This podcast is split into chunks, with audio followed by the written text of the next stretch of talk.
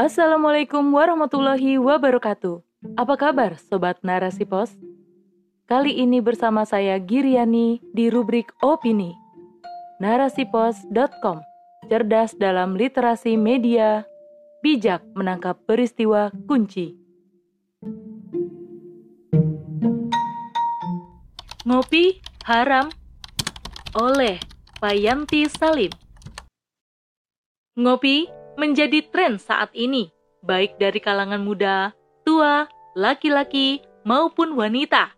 Banyak kita jumpai memenuhi kedai-kedai kopi yang berlomba-lomba menyajikan racikan andalan mereka. Tahukah Anda bahwa pernah ada masa kopi itu diharamkan? Ya, kopi pernah menjadi barang haram untuk diminum karena dianggap sama dengan Homer. Kisah itu terjadi di masa kehilafahan Utsmaniyah atau Ottoman saat Sultan Murad IV menjabat. Kala itu, aktivitas ngopi sangat marak. Bahkan, kedai-kedai kopi sedang menjamur di jalanan ibu kota, mirip seperti kondisi saat ini. Di masjid pun, para pemuda melakukan aktivitas ngopi sambil berdiskusi perihal apa pun. Sebagaimana diketahui, dahulu masjid bukan sekadar tempat ibadah, namun dimanfaatkan untuk berbagai macam aktivitas terutama tempat berkumpulnya para intelektual. Muncullah rasa kekhawatiran dalam diri sang sultan atas kondisi rakyatnya. Beliau takut aktivitas ngopi membuat rakyatnya lalai dalam beribadah, sehingga merusak akidah mereka.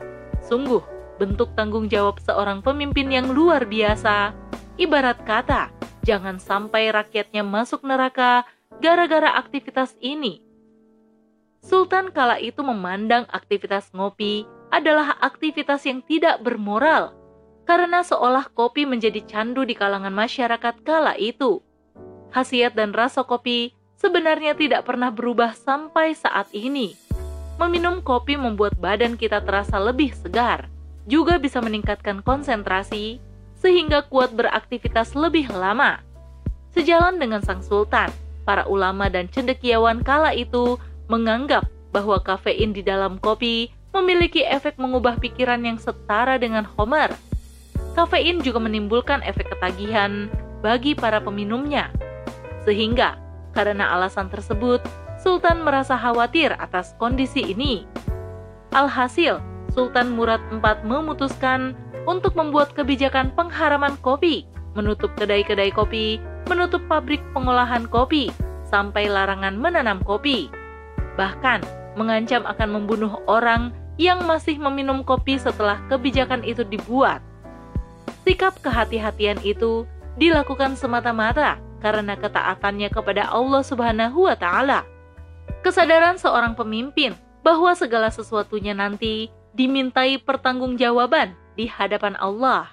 Bahkan satu lubang di jalan yang membuat seekor keledai terperosok akan dimintai pertanggungjawaban. Apalagi jika karena kelalaiannya dalam mengambil kebijakan membuat rakyatnya makin jauh dari Allah Subhanahu wa taala dan menjadi sebab mereka masuk ke dalam neraka. Sungguh, yang demikian menunjukkan sosok pemimpin yang bertanggung jawab, bahkan mengupayakan yang terbaik untuk menjaga dan meriayah akidah umatnya. Karena kelak para pemimpin itu akan dimintai pertanggungjawaban atas orang-orang yang dipimpinnya seperti dalam riwayat Abdullah bin Umar yang mengatakan, Rasulullah Shallallahu Alaihi Wasallam bersabda, ketahuilah bahwa setiap dari kalian adalah pemimpin dan setiap dari kalian akan dimintai pertanggungjawaban atas kepemimpinannya. Seorang pemimpin umat manusia adalah pemimpin bagi mereka dan ia bertanggung jawab dengan kepemimpinannya atas mereka. Rakyatnya pun taat atas aturan itu Meskipun pada akhirnya larangan meminum kopi itu berakhir di masa keturunannya, yakni Sultan Selim I. Itu pun melalui ijtihad yang panjang, dengan bermacam penelitian yang merujuk pada nas-nas Al-Quran dan Sunnah Rasulullah Shallallahu Alaihi Wasallam. Itulah gambaran taat kepada Allah, taat kepada Rasul, dan taat kepada pemimpin.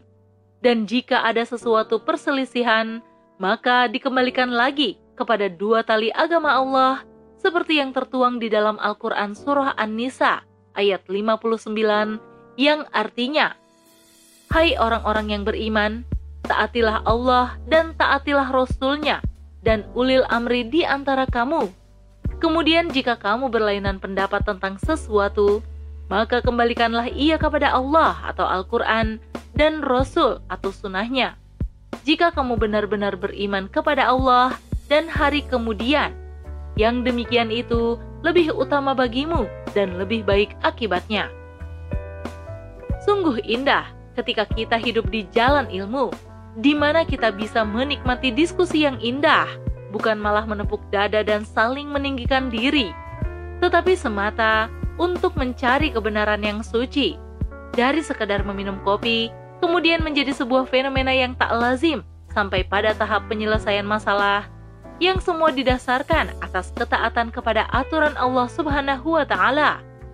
Suasana semacam ini hanya dapat kita temui ketika penerapan Islam dilaksanakan secara totalitas dalam kehidupan bernegara dalam bingkai syariatnya. Dari kisah kopi ini, kita bisa memahami bahwa aturan itu dibuat semata-mata hanya karena Allah Subhanahu wa taala, karena sebuah keyakinan terhadap agama yang paripurna dan demi keberlangsungan hidup di dunia dan bekal kehidupan selanjutnya, yakni di akhirat kelak. Ngomong-ngomong, sudahkah Anda minum kopi hari ini? Wallahu a'lam bishawab. Wassalamualaikum warahmatullahi wabarakatuh.